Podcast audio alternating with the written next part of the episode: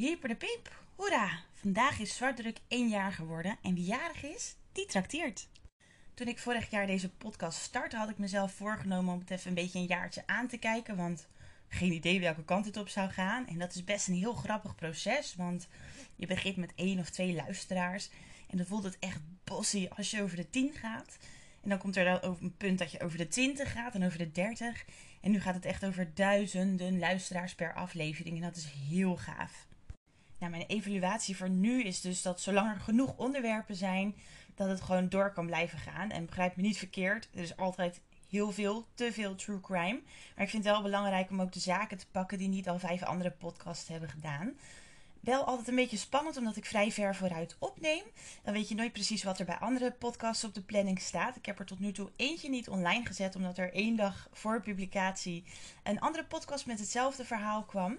En ik probeer het ook gewoon zo steady mogelijk te blijven doen. Dus met regelmaat uploaden. Dat is nu één keer in de twee weken op de maandag. En het doel is dat dit dus ook zo kan blijven.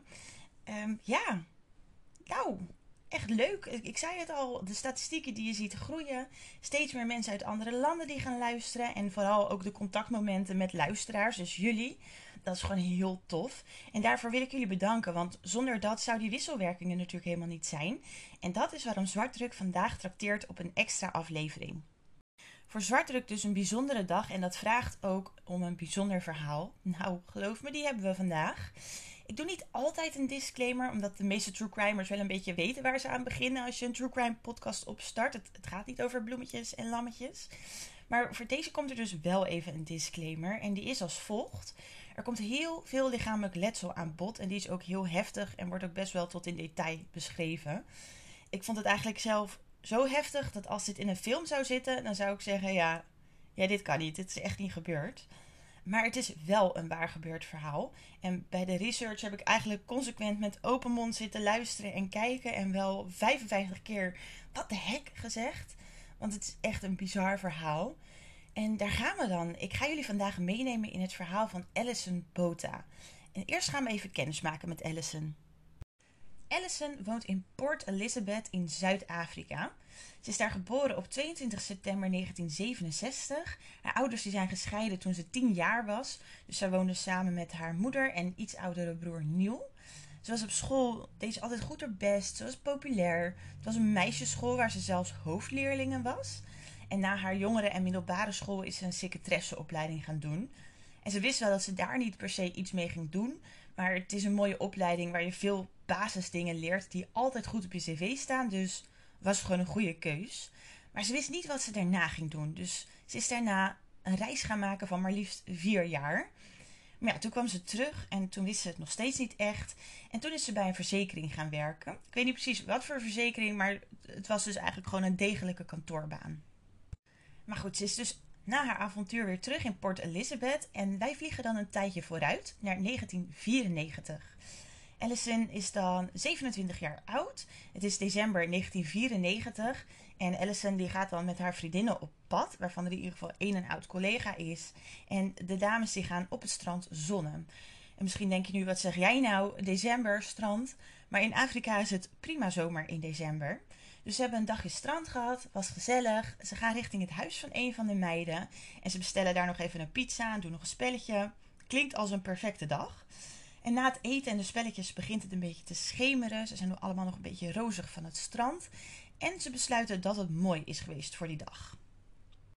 Allison was die dag zelf met de auto gegaan. En lief als ze is, biedt ze een van haar vriendinnen aan om die eventjes thuis te brengen. Er lag ook nog wat kleding bij die vriendin, dus dat was gelijk handig. Kon ze die mooi meenemen.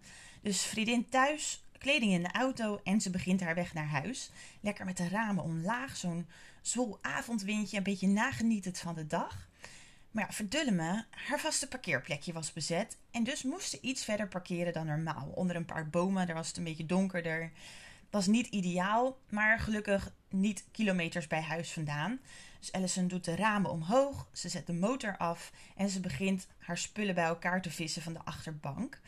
En terwijl ze een soort van half omgedraaid richting die achterbank zit, voelt ze een windje.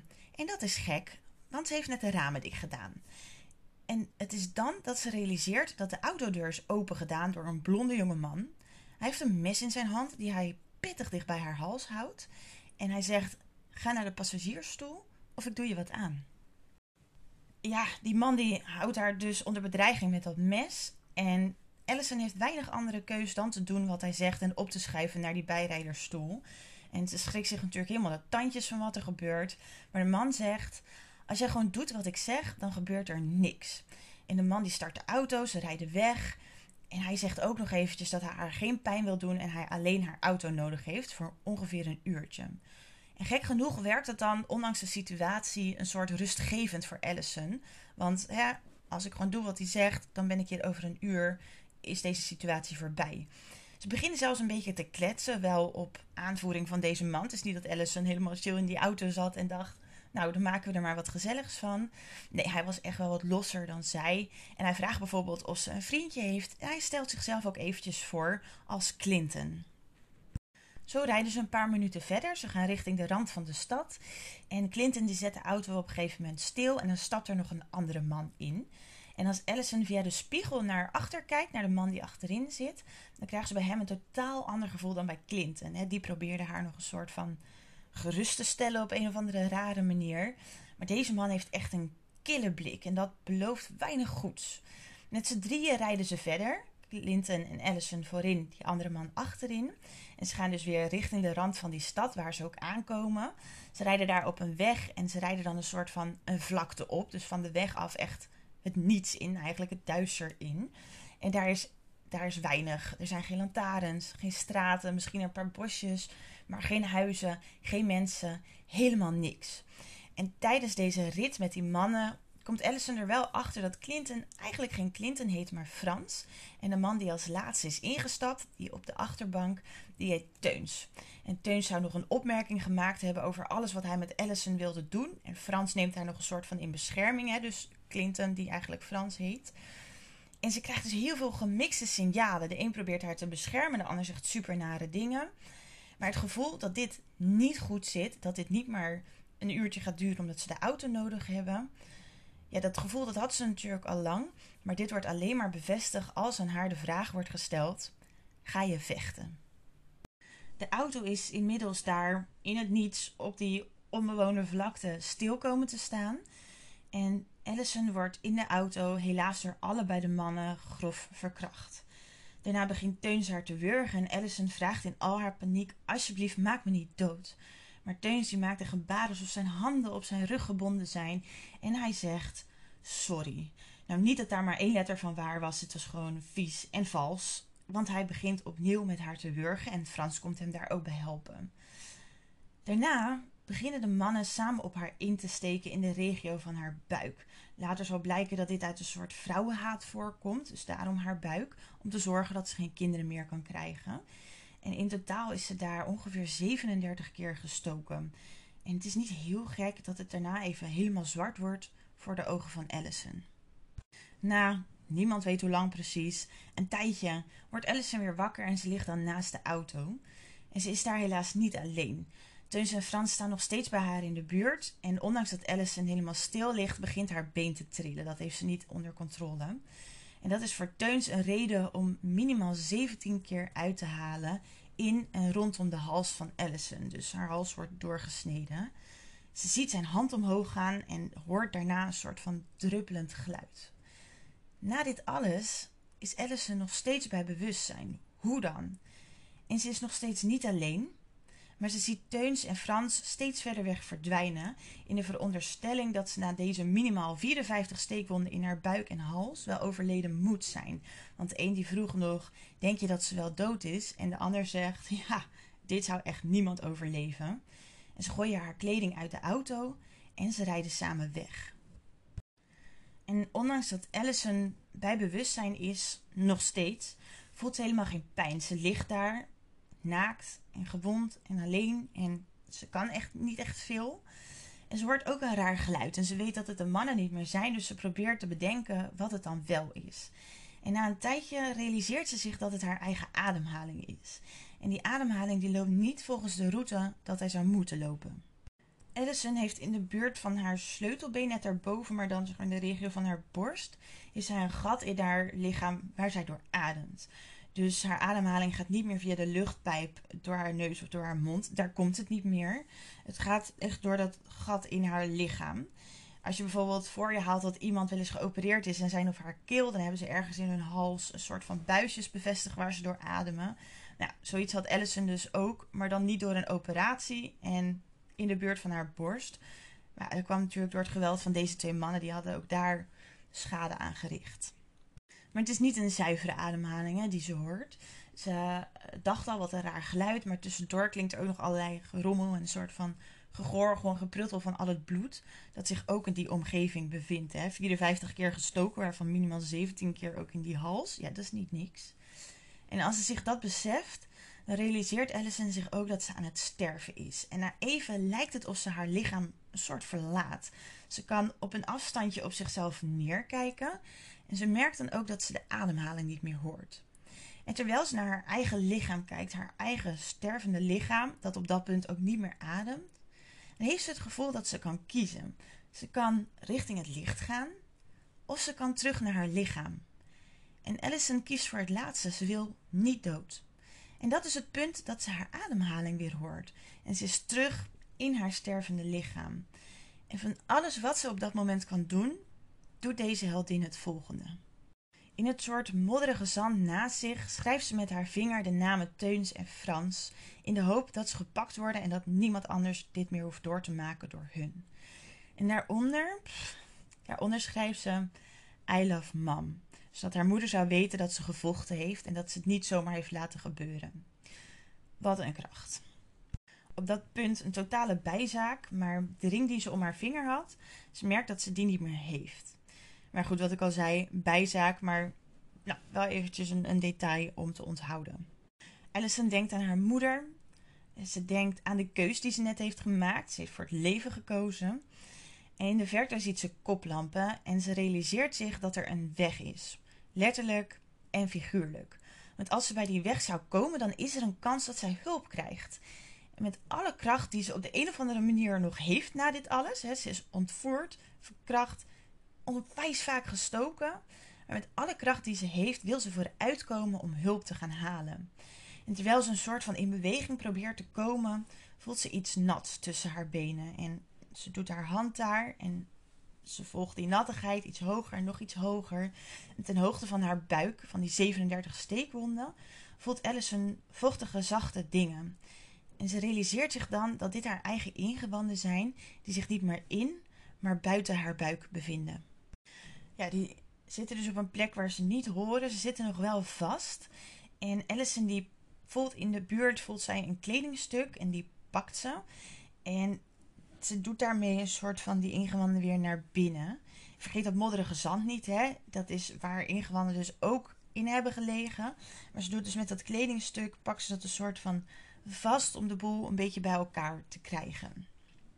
Oké, dit lijkt dus een soort van onder controle en Allison is klaar om te bewegen. En met haar ene hand houdt ze het kledingstuk tegen haar buik, zodat daar zo goed als mogelijk alles een beetje blijft zitten. En met haar andere hand probeert ze vooruit te komen, zodat ze al kruipend richting de weg kan die iets verderop ligt. Want daar is de meeste kans om hulp te krijgen, want daar had ze die koplampen gezien. Na een klein stukje kruipen beseft Allison dat dit te langzaam gaat en dat het waarschijnlijk awkward oogt. Meid, waar je druk om maakt. Maar Allison, deze heldin, ze probeert op haar voeten te gaan staan. En terwijl ze met het laatste beetje energie, waarvan wij al lang dachten dat hij weg was, met dat laatste beetje energie staat ze op en dan wordt ineens alles zwart voor haar ogen. En ja, ze heeft veel bloed verloren. En ja, het is inmiddels nacht, dus hartstikke donker. Maar Allison die staat, die ziet werkelijk geen hand voor ogen meer. Althans, ze probeert het wel. Dat moment hebben we allemaal wel eens gehad dat het zo donker is dat je een soort van je eigen hand eventjes voor je ogen zwaait om te kijken hoe het nou zit. Maar Allison probeert dat dus ook. En terwijl ze dat doet, komt ze erachter dat waar haar hoofd zou moeten zijn, daar zit geen hoofd. Ze grijpt een soort van in haar eigen hals. En als in echt het binnenste van haar hals.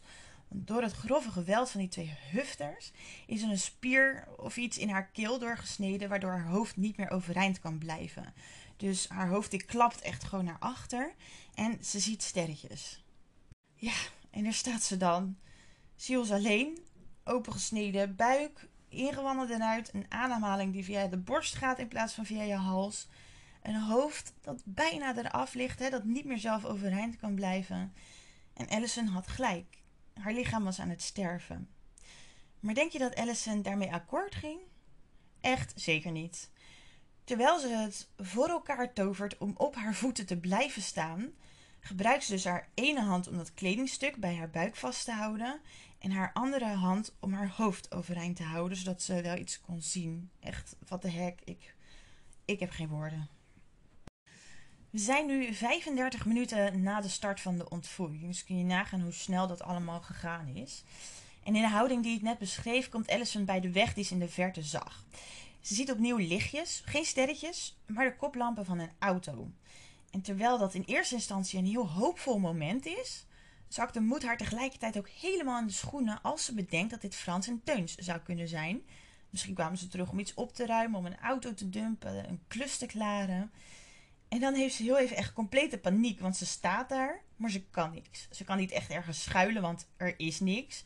Ten tweede is ze ook helemaal niet snel. Ze heeft geen energie meer, ze bloedt, ze is naakt, uitgeput, moe, mishandeld. Ze kan niks. Maar het zijn Frans en Teunse niet. En wie het wel zijn, dat weten we niet, want de bestuurder van deze auto mindert vaart, maar rijdt vervolgens als een malle ook weer door. Daar kun je van alles van vinden. Wij hopen nu natuurlijk heel erg voor Allison dat de auto was gestopt en dat daar een of andere tovervee of een chirurg of zo in zat. Maar bedenk wel, ze staat in het niet, naakt, bebloed. Ze heeft meer weg van een zombie dan van een mens. En ja, dan is er ook een andere kant. En dan kan het ook zijn dat er een moeder met haar baby in zit die denkt, ja, ik moet naar de veiligheid. Nou, om even de andere kant te belichten. Maar ja, voor Allison is het heel naar, want ze kon de hulp heel goed gebruiken. Want vergeet niet, haar lichaam is nog steeds stervende, ondanks alles wat ze nog heeft kunnen doen. Maar niet lang daarna, dus nog steeds rond die 35 minuten na begin van de ontvoering, dan komt die hulp. En die komt in de vorm van een aantal jonge mannen in een auto. Er zijn een aantal studenten die op vakantie zijn. En in die auto zit onder andere Tian. En die heren schrikken zich natuurlijk ook kapot, maar ze stoppen wel. En Tian die twijfelt niet, die neemt de hand van Allison vast en probeert haar te steunen. Hij legt zijn eigen t-shirt over haar heen om haar naakte lichaam enigszins af te dekken. En hij neemt ook het kledingstuk over om druk uit te oefenen op de buik van Allison, wat ze al die tijd zelf nog vasthield. En hij ziet dat Allison benauwd is van de angst, met letterlijk bloeddoorlopen ogen, hè, want burging. En Tian is een held. Hij probeert haar echt zo comfortabel mogelijk te maken. Hij blijft tegen haar kletsen. Vertelt haar dat hulp onderweg is, dat ze mooie ogen heeft, dat ze gewoon moet blijven ademen. En Allison vertelt dat hij het zo hard probeerde dat ze niet meer wilde sterven omdat ze hem dan teleur zou stellen, hè, al zijn moeite. Het is echt deze vrouw. Een van de vrienden van Tian die heeft een mobiele telefoon. Nou, zaten in 1994, dus die was waarschijnlijk wel bijna zo groot als de auto zelf. Maar hey, die koelkast, hij deed het en hij belt de hulpdiensten. En de jongens blijven al die tijd bij Allison, waarvan Tian haar echt ja, probeert te, te troosten en te ondersteunen. Het is echt heel lief. Het ziekenhuis is oorspronkelijk een kwartiertje verderop met de auto. En toch duurt het 40 minuten voordat de ambulance er is. Het lijkt een beetje alsof ze Mario Kart hadden met, uh, met al die obstakels. Maar bedenk, we zijn buiten de stad, in Afrika, in 1994, waar zowel de wegen als de wagens misschien nog niet zo geavanceerd waren zoals ze vandaag zijn. En jou, ze zijn er. En ze nemen Allison mee en Tian blijft bij haar terwijl ze achter in de ambulance ligt. En ze laten elkaar echt geen seconde los. Het is echt, het is echt heel lief.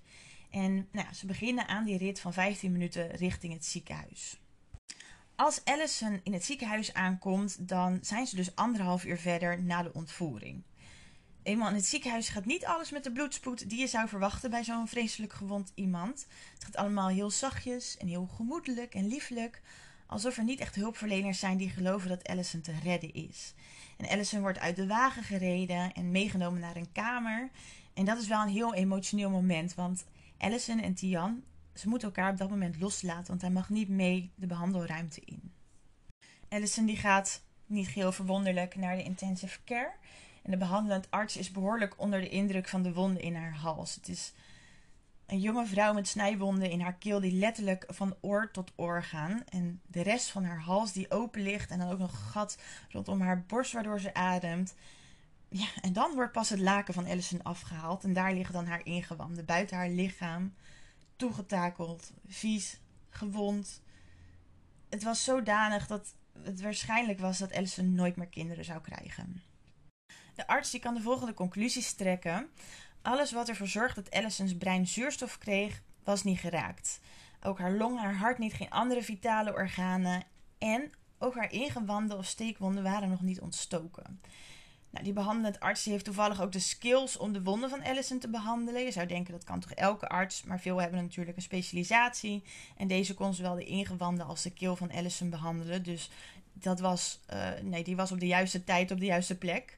Ander raar feit uit dit verhaal. Toen Allison gewurgd werd, werd haar luchtpijp zo toegetakeld dat ze daardoor niet meer zou kunnen ademen omdat het verbrijzeld was. Hadden de mannen haar keel niet opengesneden, waardoor dus de luchtweg weer vrij kwam ter hoogte van haar borst en dat sleutelbeen, dan had ze gestikt. Dus door al het geweld, ondanks alles wat ze hebben aangedaan, hadden zij die keel niet opengesneden en haar hals niet beschadigd, dan had ze waarschijnlijk overleden geweest en had ze gestikt. En nog steeds, na alles wat er is gebeurd, is Allison, de heldin, nog steeds bij bewustzijn. En in de staat waar ze in was, had ze in het ziekenhuis nog wat papieren ingevuld om te ondertekenen voor een operatie. En ze had het nummer van haar moeder opgeschreven, het telefoonnummer. Echt, blijf verbaasd deze vrouw. Het is niet te doen. Nou, de behandelend arts, met heel veel mensen die helpen, die begint aan het schoonmaken van de ingewanden. En dat doen ze met een soort van sponsje. Uiteraard wordt ook haar hals behandeld, zodat ze weer, weer normaal kan ademen, ondanks alle verwondingen. En na een poosje, nog in de maand december, mag Allison van de intensive care af. En ze mag dan ook ander bezoek ontvangen dan haar moeder. En er komen twee vriendinnen van werk langs. Nou, als zij komen ligt Allison te dutten en de twee vriendinnen van Allison staan een beetje te huilen van het aangezicht. Maar als Allison dan haar bloeddoorlopen ogen aandoet, dan schrikken ze allebei. Want dat kwam dus door het wurgen. En Allison, deze vrouw, ze lacht en zegt: Niet huilen, jongens. Ik heb niet eens een nagel gebroken. Zegt, wat een vrouw. Wat een vrouw. Nou, uiteindelijk komt er natuurlijk een punt dat, wie had dit ooit gedacht, een uh, kwartiertje geleden. Uh, komt er een punt dat Allison naar huis mag. Dat gebeurt nog wel met open wonden. Dat moet soms om genezing op bepaalde plekken in de gaten te houden. Of omdat het vanuit binnenuit moet genezen. Maar wat een verlichting moet dat geweest zijn voor haar om naar huis te mogen. Ze gaat naar huis bij haar moeder. En ze komt daar en ze heeft echt enorm veel bloemen en kaartjes en cadeautjes ontvangen. En ze bouwt steeds meer kracht op om even een bedankje te zeggen door de telefoon en zo. Maar ze krijgt zoveel beterschapswensen dat ze besluit maar een advertentie in de krant te zetten. Gewoon omdat ze bang is iemand te vergeten voor een beterschapswens en dat wil ze niet. Het is echt dat je na dit alles druk maakt daarom. Dat zegt zoveel over haar. Wat een vrouw. Ze is dan wel thuis, of in ieder geval naar haar ouderlijk huis. Maar ze moet elke dag terug naar het ziekenhuis om naar haar buik te laten kijken en die te laten behandelen. En die behandeling bestaat uit dat elke dag haar ingewanden met dat sponsje worden bewerkt, zodat het gaat bloeden. Omdat ze haar iets van nieuwe cellen stimuleren en reinigen. Dus dat is heel erg pijnlijk. En nog maar niet te spreken over de operaties die nodig waren om alles aan de buitenkant te herstellen, de plastische chirurgie. De aanval was dan wel over, maar de pijn echt nog lang niet. Ondertussen is de politie natuurlijk druk bezig met van alles en nog wat. Hè. We gaan daarvoor even terug in de tijd. Ochtend na de aanval verschenen er twee agenten in het ziekenhuis, want zij waren wel benieuwd naar het verhaal van Allison. Ze waren door het ziekenhuis geïnformeerd en zij hebben Tian gesproken, dus ze waren ook op de plaats delict. Zij hadden de namen in het zand gezien. En die namen, die kwamen hem wel bekend voor. Het ging er namelijk om de 26-jarige Frans Dutois en de Teuns Kruger van 19 jaar. En uh, het was niet de eerste keer dat zij van die namen hoorden. In februari 1994 heeft Frans namelijk een 19-jarig meisje met een pistool bedreigd in haar auto. Beetje dezelfde werkwijze. Ze moest opschuiven. Frans rijdt met haar naar een afgelegen plek en verkracht haar daar. Hij is daarna naar een winkel gereden waar hij eten had gekocht voor zichzelf, maar ook eten en een roos voor het meisje. Ze rijden weer door naar een andere afgelegen plek en daar herhaalt het drama van die verkrachting zich nogmaals. Na een week besluit het meisje aangifte te gaan doen. Dat was best spannend, want het werd niet altijd serieus genomen. En Frans wordt opgepakt in maart, maar komt na maar heel eventjes weer vrij op borgtocht, want die zaak die loopt dus nog en hij mocht in de tussentijd naar huis. Op 4 december van datzelfde jaar gaan Frans en Teuns ook samen op pad. Ze treffen dan een 23-jarige vrouw die drie maanden zwanger is. Ze nemen haar mee naar een afgelegen plek. Ze verkrachten haar allebei, bedreigen haar, maar laten haar wel gaan. Nou, deze dame doet direct aangifte. De mannen worden opgepakt, maar om de een of andere reden komen ze ook weer vrij. Geen idee wat de mensen die hierover gaan dachten. Het was echt een slecht idee. Want na nog geen twee weken kwamen ze dus Allison tegen. En nou, we weten wat er met Allison gebeurd is. En waarom dan die verandering in hun modus operandi? Ja, dat was om dezelfde reden als dat veel verkrachters of aanvallers besluiten te gaan moorden. Geen getuigen achterlaten. Goed, na de aanval van Allison worden de mannen opgepakt. En om de een of andere reden vonden ze het een goed idee om wederom een borgsom te stellen. Ze nemen die allebei aan, maar ze moeten wel dagelijks melden. En ze worden natuurlijk ook opgeroepen voor verhoren. Oké, dus de mannen zijn in het vizier. En na een paar dagen komen de agenten dan weer terug in het ziekenhuis bij Allison. Zij kan op dat punt nog steeds niet praten vanwege een slang in haar keel. En die was nodig om te ademen. De agenten die laten een mapje met foto's zien met allerlei mannen daarin. En Allison herkent Frans uit duizenden. En ze wijst hem aan. Maar dat was niet genoeg. En ik weet weer niet waarom dit zo'n goed idee leek. Maar de aanklager zou het fijner vinden als de namen van de verdachten zouden worden uitgesproken. In plaats van aangewezen of uitgeschreven. Want dan zou de zaak zoveel sterker zijn. Ja, want waarom zou je ook maatwerk toepassen in deze situatie? De arts is wat huiverig, want ja, ja jeetje, maar Allison, van wie we inmiddels wel weten dat het een heldin is, die gebaart dat ze de slang er dan maar uit moeten halen. En met haar zere keel en haar woorden identificeert ze de mannen. Na de identificatie van Allison, hè, dat ze, ze heeft uitgesproken van nou dit zijn ze, worden de mannen nogmaals verhoord. Op een gegeven moment worden bij Frans zijn rechten voorgelezen. Hè. Alles wat je zegt kan tegen je worden gebruikt. En hem wordt ook verteld dat hij is gearresteerd voor poging tot moord. En hij zegt: Hé, wat? Poging tot moord? En de agenten, en dit moet echt een lekker gevoel geweest zijn, die kunnen hem met een triomfantelijk gezicht vertellen: Ja, poging tot moord, want Allison leeft. En Frans is lichtelijk in shock, maar vervolgens haalt hij een ring van zijn vinger en hij zegt iets in de trant van: Nou, dan zal ze deze ook wel terug willen. En dat zat gelijk aan een bekentenis, want de ring, waar nog bloed op zat, was inderdaad van Allison. En dat is wel echt het toppunt van verrot zijn van binnen, om zomaar met die spullen te gaan lopen dan ook. Frans die had weinig spijt, dat bleek ook wel in het verhoor. Sterker nog, er waren al plannen om een andere vrouw te verkrachten en haar dan vervolgens van een brug af te werpen. Teuns heeft inmiddels ook bekend en de verhoren samengevoegd geven een behoorlijk sterk beeld van wat er gebeurd is die dag met Allison. En de heren geven allebei aan in de rechtszaak schuldig te pleiten, maar de aanklager denkt: ja, nee, wij laten niks aan het toeval over. Stel dat ze anders besluiten dan hè, dat ze ineens onschuldig pleiten, dan denkt deze aanklager: dat gaat me niet gebeuren, dan hebben we alsnog die straffen nodig. Dus die aanklager die verzamelt alle bewijzen die er maar te vinden zijn en legt alles vast in een dik, vet dossier. En Allison is ook nodig voor het aanleggen van dat dossier. Hè? Zij moet een psychologische test ondergaan, maar er moet bijvoorbeeld ook schaamhaar verzameld worden van haar lichaam door verschillende mensen en verschillende keren. Haar kleren moeten uit om foto's te laten maken van de verwondingen en van haar herstel. En dan moet ze ook nog die mannen in het echt identificeren. Dat werd een identificatieparade genoemd. Het klinkt bijna gezellig, was het niet.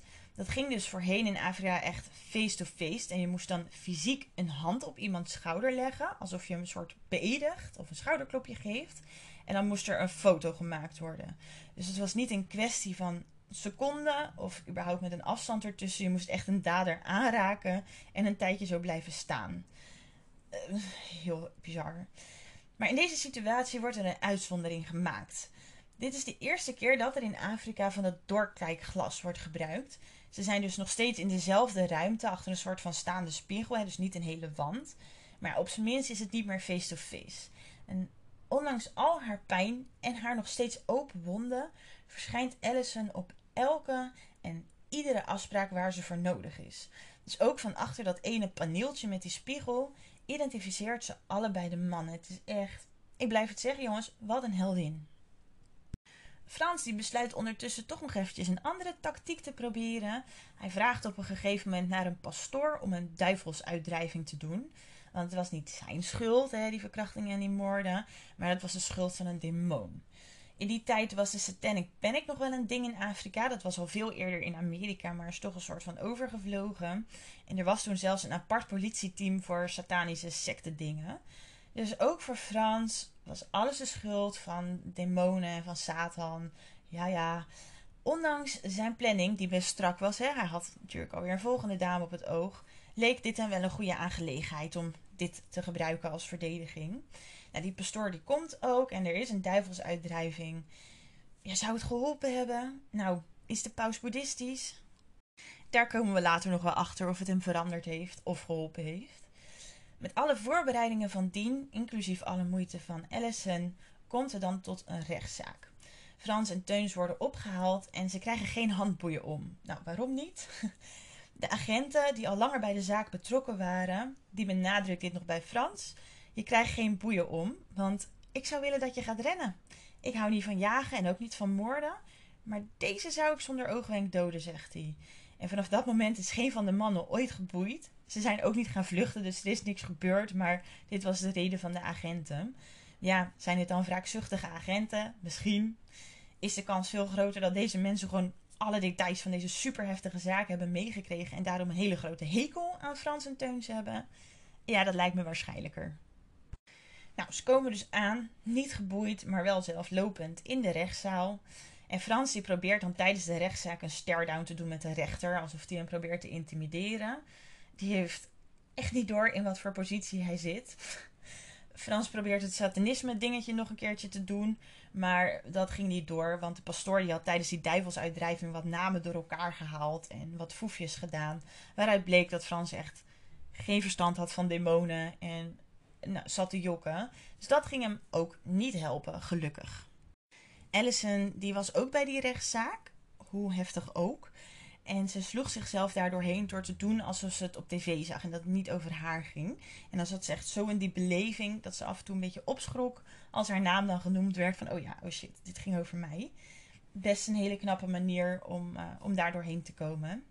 Die zaak zelf, die trok natuurlijk veel media-aandacht, want er werd Satanic in genoemd. Nou, dan eh, komt iedereen eraan om met jou te praten. En dat valt Allison en haar familie best wel heel zwaar. En toch is ze een soort van blij dat er een zaak is. We noemen het al eerder. Het werd niet altijd even serieus genomen, hè, verkrachtingen. Ehm, moeilijk te bewijzen.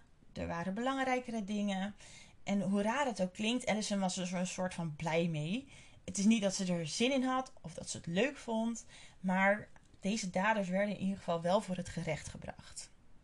De rechtszaak duurt natuurlijk wel eventjes, maar die komt ook ten einde en dan komt er een veroordeling. Frans die had al twee zaken op zijn naam staan hè, van die andere dames. Teuns één. En de rechter was van mening, en I love it, dat deze mannen een enorme bedreiging voor de samenleving zijn en ook zouden blijven. En de doodstraf die mocht in dit deel van Afrika niet meer, die was al afgeschaft. En in 1995 krijgt Frans drie keer levenslang zonder kans op vervroegde vrijlating. En Teuns krijgt één keer levenslang en 25 jaar zonder kans op vervroegde vrijlating. Die gaan dus voorlopig achter slot en grendel, precies waar ze horen. Maar voor Allison was het nog niet voorbij.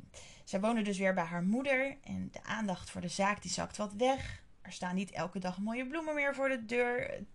De wonden helen, maar haar hoofd, die is er nog lang niet. Allison krijgt te maken met verschillende depressies waarin niets of niemand haar kan schelen. En voor iemand die niet wil sterven omdat een vreemde haar zo lief behandelt, zegt dat wel wat hè, in het hele verhaal klinkt al door hoe erg zij aan anderen denkt. Dus dit is inderdaad best heftig. Nou, en die depressies duren ook best een tijdje. Want het is gewoon niet hetzelfde als een griepje wat van de een of andere dag weer over kan zijn. En zeg eerlijk, ze heeft ook nog wel wat te verwerken. Hè? En op een dag realiseert Allison zich dan weer heel eventjes dat moment dat ze buiten haar lichaam was en dus zelf naar haar toegetakelde lichaam keek. En ze had toen de kans om naar het licht te gaan of te leven. En ze haalt dat moment terug en ze weet heel goed dat zij bewust koos voor het leven. rond diezelfde tijd van deze ja, openbaring of zo, krijgt ze een uitnodiging van een club om te komen vertellen over haar ervaring, een soort van voorlichting. Super heftig, want ten eerste de spanning van het voor een groep spreken en natuurlijk ook alles wat ze heeft meegemaakt om daar überhaupt over te spreken. Maar Allison, ze gaat. En eigenlijk merkt ze dat het haar wel een soort van oplucht als ze erover praat. Allison begint dit soort voorlichtingen steeds vaker te doen. Over seksueel geweld, over depressies, over hoe het leven weer op te pakken. En ze schrijft samen met een professionele schrijver een boek dat ook echt wel veel verkocht wordt. En ze vindt een lieve man. En zo komt het ene jaar naar het andere en dan gebeurt er een klein, klein wondertje. Een kindje, er komt een babytje. De dokter had gezegd dat het niet meer zou kunnen nadat die twee, uh, nou ja, wat ze hadden aangedaan. Maar er komt een babytje. En dat is natuurlijk super mooi nieuws, want wie had dit nog verwacht? Maar er komt ook iets minder knap nieuws. Er komt namelijk een brief van Frans. Die vraagt om een deel van de opbrengst van het boek, omdat het succes mede door hem is. Het lef. Uh, geen woorden. De heren hebben allebei inmiddels ook al pogingen gedaan om toch tot een andere straf of vrijlating te komen. Maar ik geloof dat dat nu voor het laatst vorig jaar weer geweigerd is. Net goed. Als je het mij vraagt, zitten die precies waar ze horen. Als je het mij vraagt, en wordt die sleutel in het diepste put ever gegooid. Nou, zoiets wat je kan doen, dat iemand geen dag door het leven kan zonder pijn. Het is echt geen woorden. Nee. nee. Maar dan, lieve luisteraars, er komt nog een wondertje. Er komt een tweede kindje hè, Allison doet het gewoon nog een tweede keer. En het lot, het lot bestaat. Want willen jullie weten wie er bij die bevalling heeft geholpen bij die tweede? Die lieve Tian. Ze zijn elkaar tegengekomen en hij heeft bij die bevalling geholpen. Dat is echt, dat is het lot, jongens. Het is niet te doen. Nou, ja, zou Allison ooit alles verwerken wat ze heeft meegemaakt? Ik, ik denk zelf van niet. Ik vraag me af of dat kan. Ik heb het zelf niet meegemaakt, maar het is super heftig. En Allison heeft littekens ze heeft dingen waardoor ze er elke dag aan herinnerd wordt.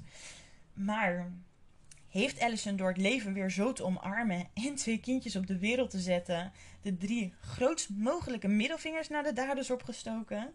Ja, is mijn vraag wel. Wat een badass. Het is echt. Wat een vrouw. Ja, en na dit hele heftige verhaal komen we toch aan het einde met een soort van positieve noot. Want het zijn allemaal dingen die niemand meer had verwacht er waren mensen die überhaupt niet hadden verwacht dat Allison nog zou leven. Dat ze er nog bovenop zou komen. Maar ze doet het gewoon. Allison doet het gewoon. Zij is ook op YouTube te vinden als je het leuk vindt om haar eens te zien. Want het, uh, normaal vind ik True Crime en leuk niet echt een goede combinatie. Maar uh, dit is wel gewoon heel bijzonder om te zien hoe zij alles weer heeft opgepakt. Het is gewoon leuk en knap. Voordat we richting de afsluiting gaan, hebben we nog een suggestie gekregen en een tipje. Qua suggestie die was van Doris.